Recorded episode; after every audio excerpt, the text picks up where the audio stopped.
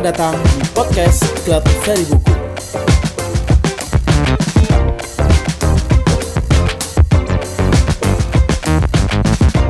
Halo kawan, kembali lagi bersama podcast Klub Seri Buku. Saya Andian eh, dari divisi Hubungan Masyarakat di Klub Seri Buku yang akan memandu podcast kali ini. Sekarang kita sudah masuk di podcast episode ketujuh eh, dengan judul Etnografi Warung Kopi.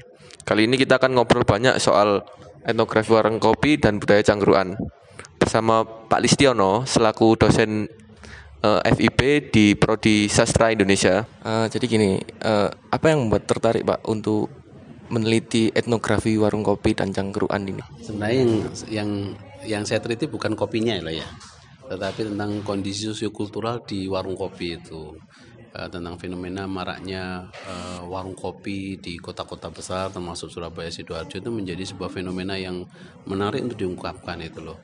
Eh, bukan persoalan kopinya. Kalau persoalan kopinya itu kan budaya nusantara itu loh. artinya itu bukan fenomena itu sudah terlalu lama sudah ada. Cuma mendirikan warung kopi, kedai kopi di kota-kota besar itu menjadi sebuah representasi bahwa masyarakat kota itu membutuhkan sebuah ruang untuk tempat mereka ber, berdialektika, berdiskusi. Maka muncullah istilah cangkruan itu. Warung kopi menjadi sebuah representasi bagaimana orang-orang ing- ingin hadir dalam sebuah ruang-ruang untuk cangkruk atau ruang nongkrong itu. Itu sebuah fenomena yang yang khas di masyarakat industrialis itu. Kalau kita perhatikan di masyarakat-masyarakat agraris, meskipun ada warung kopi tapi tidak khas sebagai sebagai sebuah ruang cangkruan sebagaimana di kota-kota besar.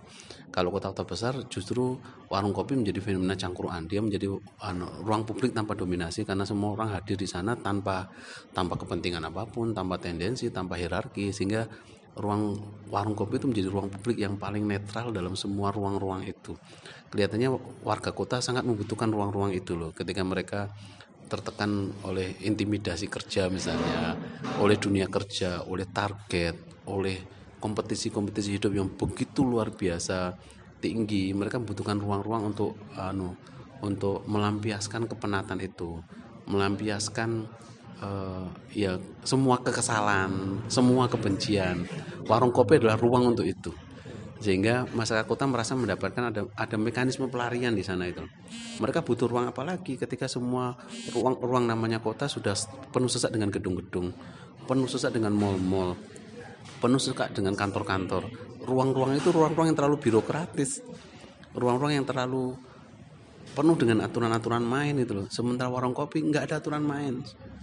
Karena tidak ada aturan main maka itu menjadi tujuan atau jujukan dari orang kota yang sudah pernah dengan industrialisasi tadi. Saya melihat fenomenanya di situ. Nah, sehingga bahwa kemudian kenapa kopi, kenapa kemudian di sini menjadi kedai kopi bukan kedai teh itu loh. Karena kedai kopi itu khas yang dimiliki oleh orang yang memang nek cangkruk, nek ngobrol ya dengan kopi bukan dengan teh itu loh. Karena kopi itu sangat sulit untuk dinikmati sendiri. Kalau teh bisa lah dinikmati, tapi kalau kopi itu harus dinikmati bersama dengan orang lain, ngobrol sama orang lain, itu menjadi lebih kondusif. Nah, sehingga kopi itu pas dengan suasana kebersamaan itu. Maka kopi itu budaya Nusantara kalau saya lihat.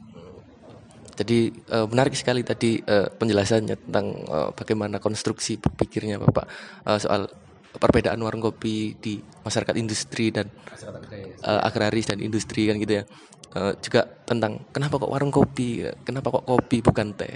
Mungkin ada kaitannya juga dengan iklan Sariwangi itu ya Pak. Eh, yang hanya cuma berdua ngobrol berdua. Ka- Kalau kopi kan harus bersama-sama, lebih banyak orang gitu. Nah, eh, ada terminologi etnografi di sini Pak. Eh, menarik untuk diku- dikulik lebih dalam. Kenapa menggunakan terminologi etnografi di sini? Sebenarnya yang kalau saya sih menurut saya itu masih debatable. Yang pas itu sebenarnya fenomenologi ketimbang etnografi itu loh. Tetapi ketika, kita menerjemahkan etnografi dalam konteks untuk mengungkapkan me- etnografi itu kan sebuah metode kan, metode penelitian yang dipakai untuk mengungkapkan eh, makna-makna sosiokultural yang terjadi dalam sebuah komunitas. Tidak hanya etnis tertentu tapi komunitas. Dulu etnografi hanya dipakai untuk melihat etnis. Tetapi sekarang ternyata etnografi bisa dipakai untuk mengungkapkan sosiokultural pada komunitas termasuk komunitas warung kopi dan sebagainya. Nah, sebenarnya meskipun itu masih debatable mungkin teman-teman antropologi tidak suka tidak tidak pas etnografi kok diarahkan ke warung kopi. Sehingga lebih pasnya sebenarnya ke fenomenologi meskipun kalau saya sih tidak begitu per, tidak tidak ada perbedaan yang begitu begitu yang begitu menganga antara etnografi dengan fenomenologi. Sama-sama datang ke sebuah objeknya secara langsung gitu loh. Sehingga kalau kalau etnografi itu membiarkan objek itu mendefinisikan sendiri fenomenologi juga seperti itu. Membiarkan pelaku-pelaku eh, apa namanya orang yang suka cangkruan tuh mendefinisikan mengapa harus cangkruan. Artinya fenomenologi dengan dengan etnografi itu melihat segala sesuatu dari sudut pandang orang lain bukan dari sudut pandang kita. Sehingga kalau kalau melihat segala sesuatu dari sudut pandang orang lain maka segala sesuatu menjadi menarik. Kalau dari sudut pandang kita bias bias kepentingan. Makanya ketika banyak orang kota kota itu kan selalu mengindikasikan dunia yang tertib dunia yang sudah jelas sudah pakem. Tiba-tiba kok ada orang kota kok nongkrong nyangkruk. Itu kan seolah-olah bias kota bias industrialisasi itu kompetisi hidup. Ini kok malah nangkrong nangkrong itu kan seperti seperti apa namanya membuang-buang waktu. Tapi itu setelah kita datang ke tempatnya secara langsung kita tahu mengapa mereka cangkruk. Mereka butuh suasana butuh kondisi-kondisi psikologis di mana mereka bisa melampiaskan segala kemarahan-kemarahan itu segala kekesalan itu dalam sebuah ruang namanya cangkruan maka di warung di namanya kedai kopi tempat cangkruan karena tanpa hierarkis maka semua orang setara itu loh. Di sana orang mau miso tidak tidak ada sekat. Mau misuh mau memaki-maki. Coba kalau itu ruang-ruang ruang-ruang namanya ruang-ruang birokrasi ruang-ruang formal. Selalu ada standarnya itu loh. Karena penuh dengan standar. Malam nggak enak hidup itu kalau dengan standar. Nah ketika digeser ke warung kopi yang penuh dengan keterbukaan maka orang semacam menghirup udara segar itu menghirup udara kebebasan itu loh Nah, sehingga istilah etnografi, istilah fenomenologi hanya saya pakai untuk melihat fenomena itu secara langsung berdasarkan objeknya, bukan berdasarkan saya itu. Biarkan penikmat kopi yang mendefinisikan mengapa harus datang ke warung kopi. Wong ngopi di rumah aja bisa itu. Kalau ngopi di rumah nggak nikmat, karena nggak ada tempat berngobrol, tidak ada sesuatu yang diceritakan. Makanya di istilah ada istilah anu uh, ngo, da, apa namanya uh, ngopio dhisik men ora salah paham misalnya ya kan? Istilah-istilah itu kan sering muncul di, di warung. Itu istilah-istilah etnografis loh itu.